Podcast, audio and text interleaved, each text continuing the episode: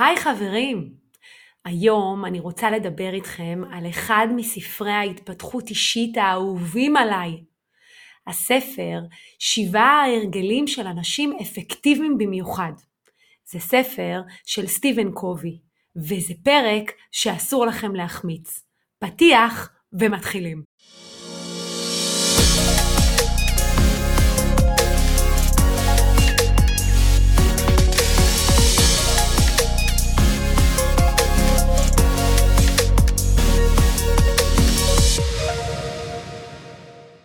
אז כמו שציינתי בפתיח, היום אנחנו נדבר על ספר אהוב עליי, שנקרא שבעת ההרגלים של אנשים אפקטיביים במיוחד. הספר הזה הוא אחד מספרי המודעות והעצמה המצליחים בעולם. אם לא ידעתם, הוא מכר עד כה למעלה מ-25 מיליון עותקים. בבסיס של הספר עומדת התפיסה שאנחנו זה ההרגלים שלנו. ואם אנחנו רוצים לשנות את חיינו, ובעיקר למצות אותם ולחיות אותם בצורה מלאה, אנחנו חייבים להיפטר מהתנהגויות מזיקות ולאמץ לעצמנו הרגלים חיוביים. עכשיו, לפני שנתעמק בספר הזה, כדאי להגיד כמה מילים על האיש הזה, סטיבן קובי. אז קודם כל, סטיבן קובי נולד ב-24 לאוקטובר 1932. הוא היה מרצה וסופר מצליח, והוא גם המציא שיטת ניהול. הספר שלו, שבעת ההרגלים של אנשים אפקטיביים במיוחד, הפך לרב מכר במדינות רבות והשפיע על מיליוני אנשים.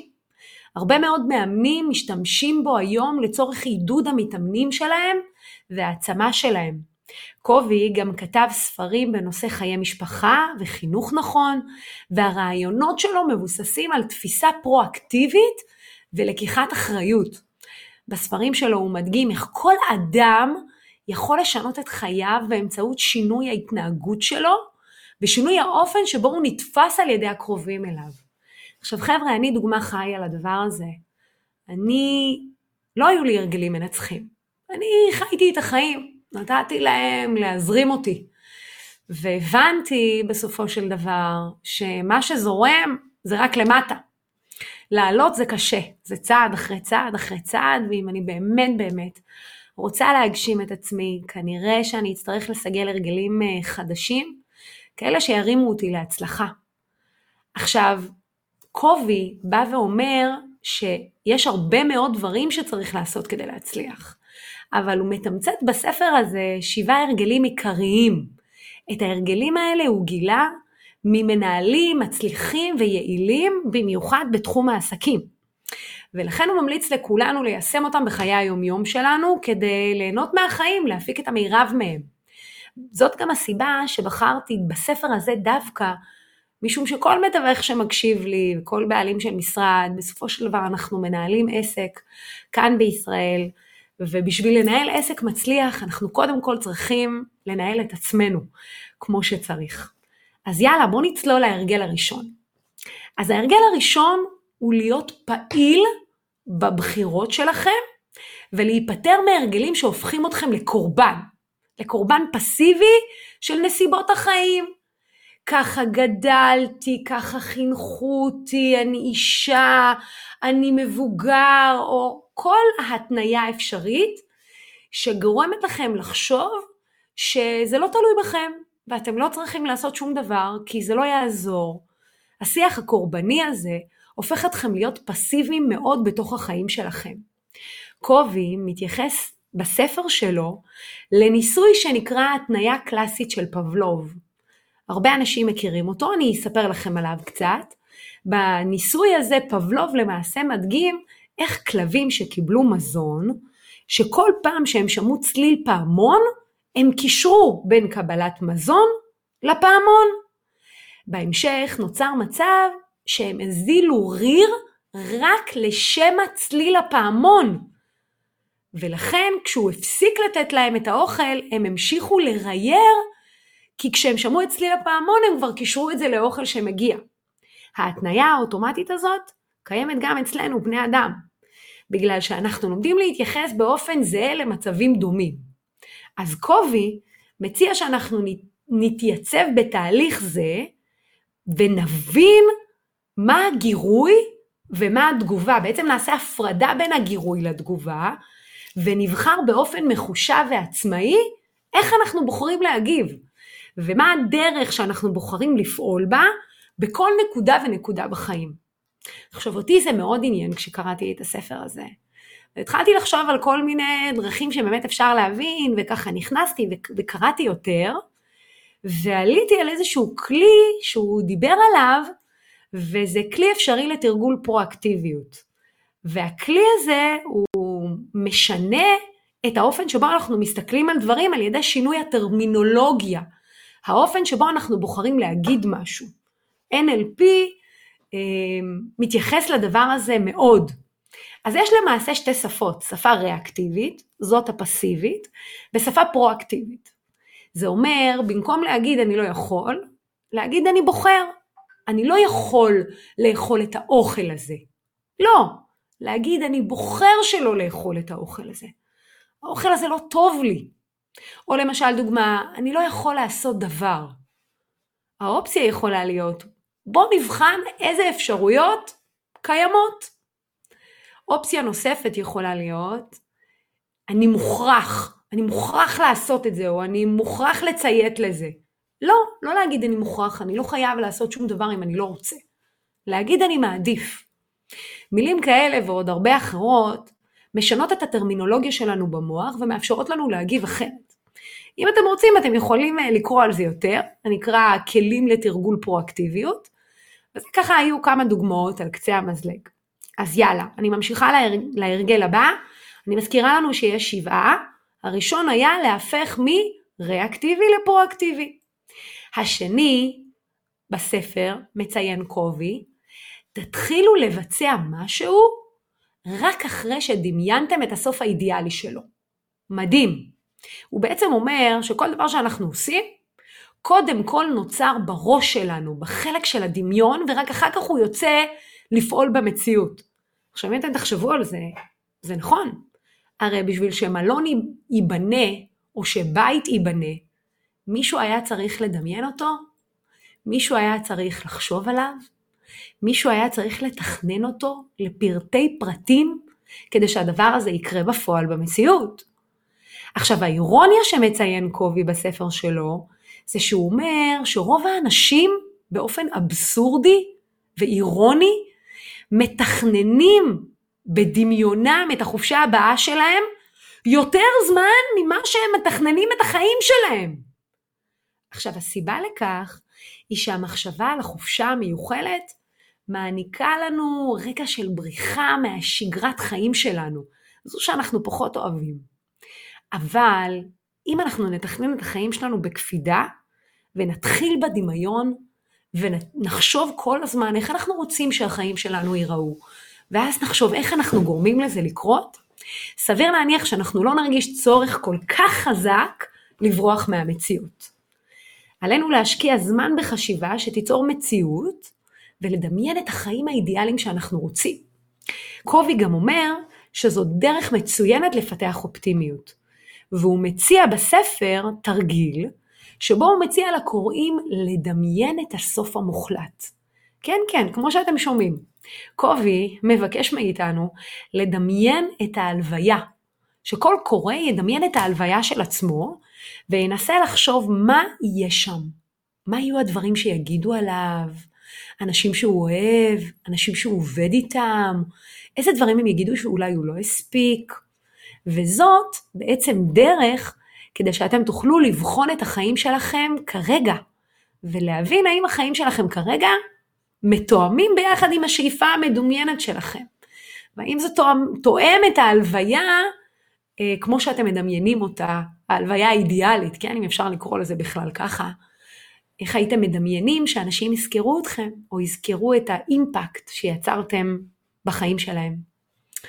אז אם לדוגמה אנחנו אומרים שחשוב לנו מאוד להיות אנשים טובים, או הורים, או בני זוג אוהבים, אבל אז אנחנו כועסים וצועקים כל פעם שאנחנו חוזרים מהעבודה, ואנחנו לא חיים את השאיפה שלנו, אז אנחנו בעצם צריכים שנייה לעצור ולהבין שאין הלימה בין החיים שאנחנו חיים כרגע לשאיפה הסופית שלנו, וכאן אנחנו צריכים רגע להתבונן ולהחליט מה אנחנו הולכים לשנות.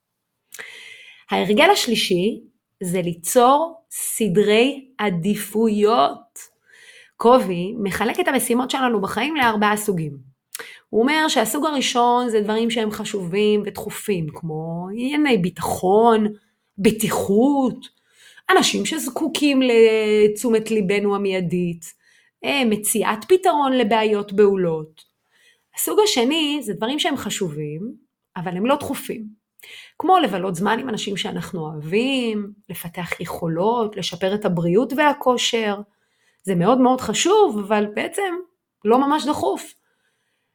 הוא מייחס לזה חשיבות למשל לבריאות והוא ממקם את זה בסוג השני, משום שאנשים לא מייחסים חשיבות לכמה הפעולה היומיומית, הספורט היומיומי שאנחנו עושים, הוא דבר חשוב, אבל אם לא נתאמן כל יום, זה לא שפתאום נהיה חולים, אלא זה אפקט שלילי מצטבר.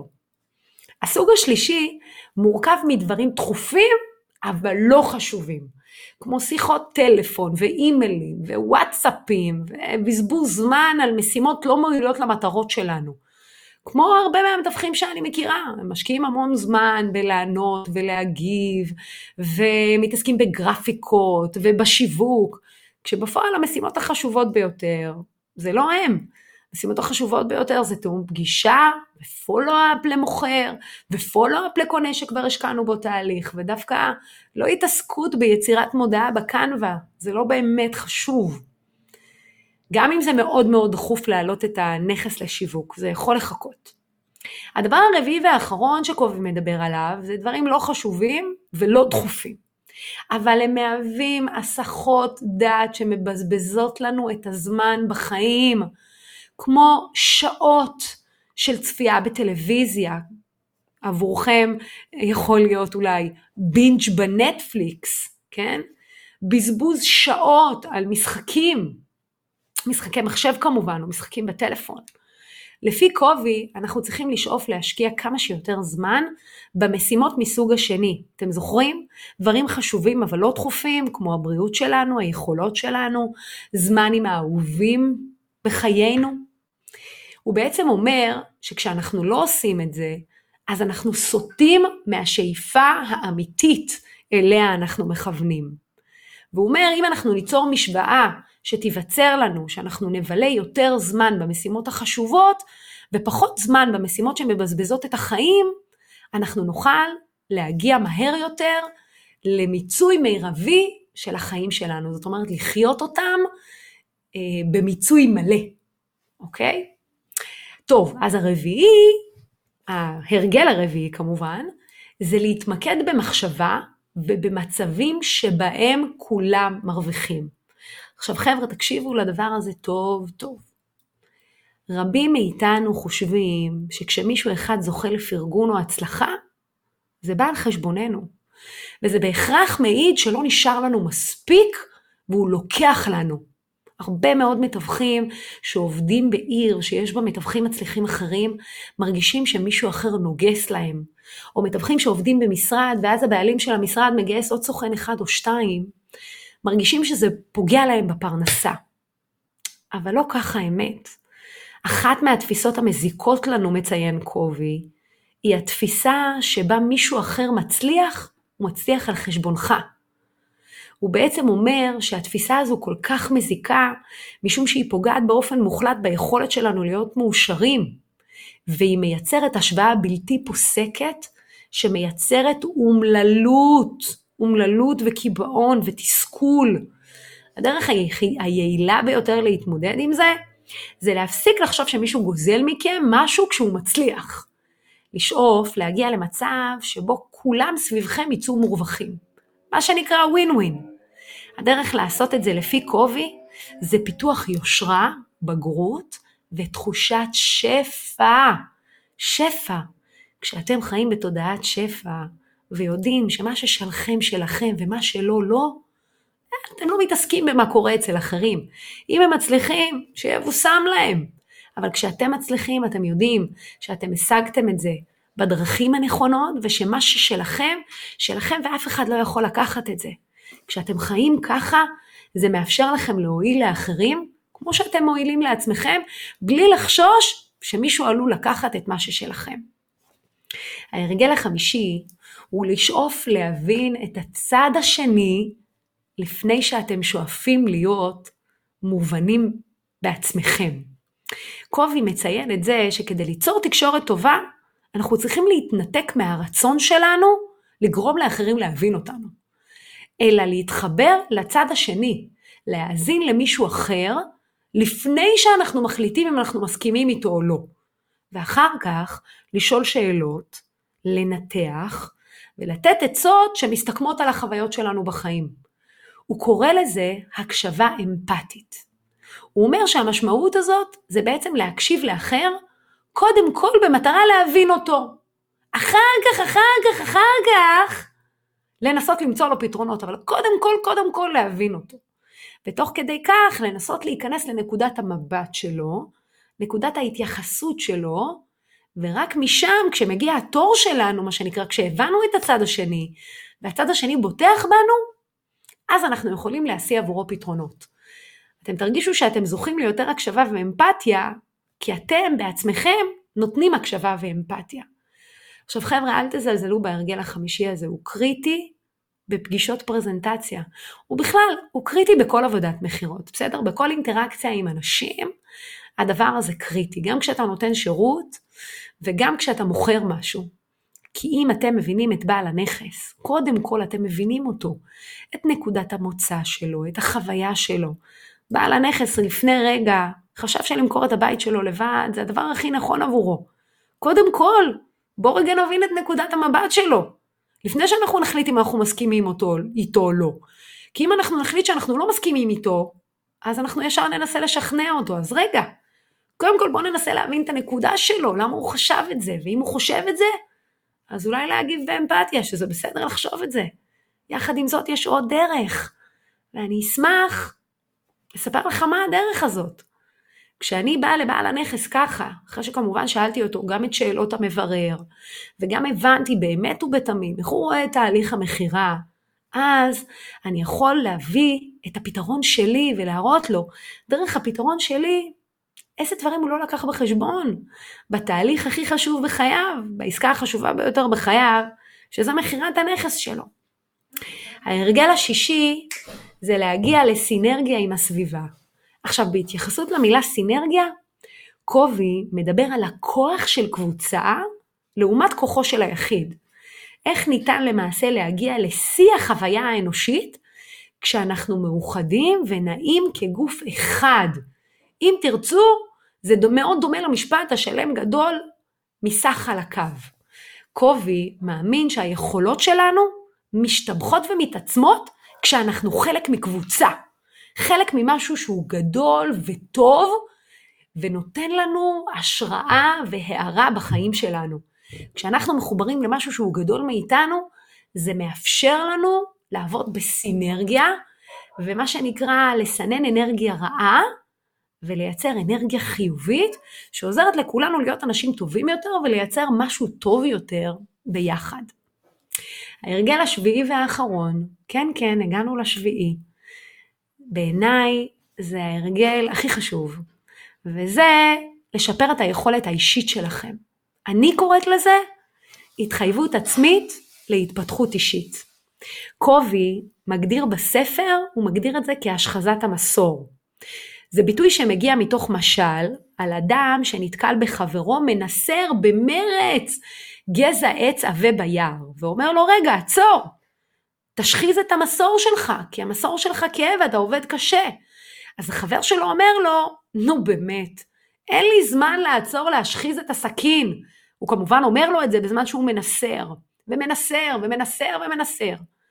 מוסר ההשכל כאן, והסיפור הוא אולי ברור לכולנו, אבל זה לא אומר שאנחנו לא מתנהלים באופן דומה בחיים שלנו. בחיים שלנו אנחנו הרבה פעמים פועלים על אוטומט.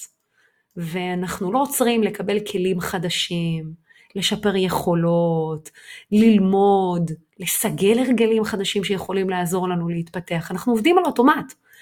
עכשיו, המצב הזה כל כך אירוני, זה כאילו מצב שבו אתם, לא יודעת, נתקעים עם המכונית שלכם באמצע הכביש, כי לא היה לכם זמן לעצור כדי למלא דלק. הרי זה לא הגיוני, נכון? אז המסר העיקרי כאן הוא שכדי באמת להתקדם אנחנו חייבים לעצור ולהשקיע מאמץ. הרבה מאוד uh, מתווכים, דווקא פעילים, שמגיעים לייעוץ עסקי, מתחילים תמיד במילים, תשמעי, אני הרבה מאוד שנים במקצוע, אני מכיר את העולם הזה, אני מנהל עסק כך וכך, אני מתווך שעובד הרבה זמן, ובאמת מגיעים אליי מתווכים שעושים 700, 800, אה, מיליון שקל בשנה. אבל הם רוצים להגיע לעשות מיליון וחצי שקל בשנה. בשביל זה, זה לא רק נגזרת של כמות יותר גדולה של עסקאות, זה עבודה של דיוק. ובשביל לעשות את עבודת הדיוק הזו, הם חייבים להבין שהכלים שהביאו אותם עד כה, הביאו אותם עד כה. ואם הם רוצים להתקדם לכלים הבאים, הייעוץ, מטרתו, לאפשר להם כלים חדשים, שיעזור להם, יעזרו להם לנוע קדימה. ולכן האנשים יעילים, כמו שמציין קובי, הם אנשים שמשקיעים בעצמם באופן קבוע ומשחיזים כל הזמן את הכלים החשובים ביותר שלהם. את המוח שלהם, את הנפש שלהם ואת הגוף שלהם. הרבה אנשים שמכירים אותי ויודעים שאני קמה בחמש וחצי בבוקר ושאני מתאמנת, חושבים שאני נהנית לעשות את זה. אני לא נהנית לעשות את זה, חברים. אבל זה חלק מההתחייבות שלי לעצמי להתפתחות אישית, לגדילה. כל הזמן לקרוא דברים חדשים כדי לגרות את המוח, לספוג דברים חדשים כדי להעצים את הרגש, ולהתאמן בקונסטלציות חדשות כל הזמן כדי לאתגר את הגוף. כי כל פעם שאנחנו עושים את זה אנחנו גדלים עוד קצת ומדייקים את עצמנו עוד קצת. וזה בעיניי הסיכום המושלם, באמת הנקודה השביעית, בעיניי לא סתם בחר קובי אה, לסיים את הספר שלו עם ההרגל הזה. אה, כי אם אתם תאמצו את ההרגל הזה לחיים, אתם תגיעו ותצליחו לממש את כל השאיפות שלכם. אז uh, שמחתי מאוד, אני מקווה מאוד שלקחתם כלים מהפרק שלנו היום. ממליצה לכם לשמוע אותו שוב ושוב, כי הרבה פעמים בשמיעה חוזרת אנחנו מגלים דברים שאולי לא שמנו לב אליהם בשמיעה הראשונה. אז עד הפרק הבא, מאחלת לכם המון בהצלחה. ביי.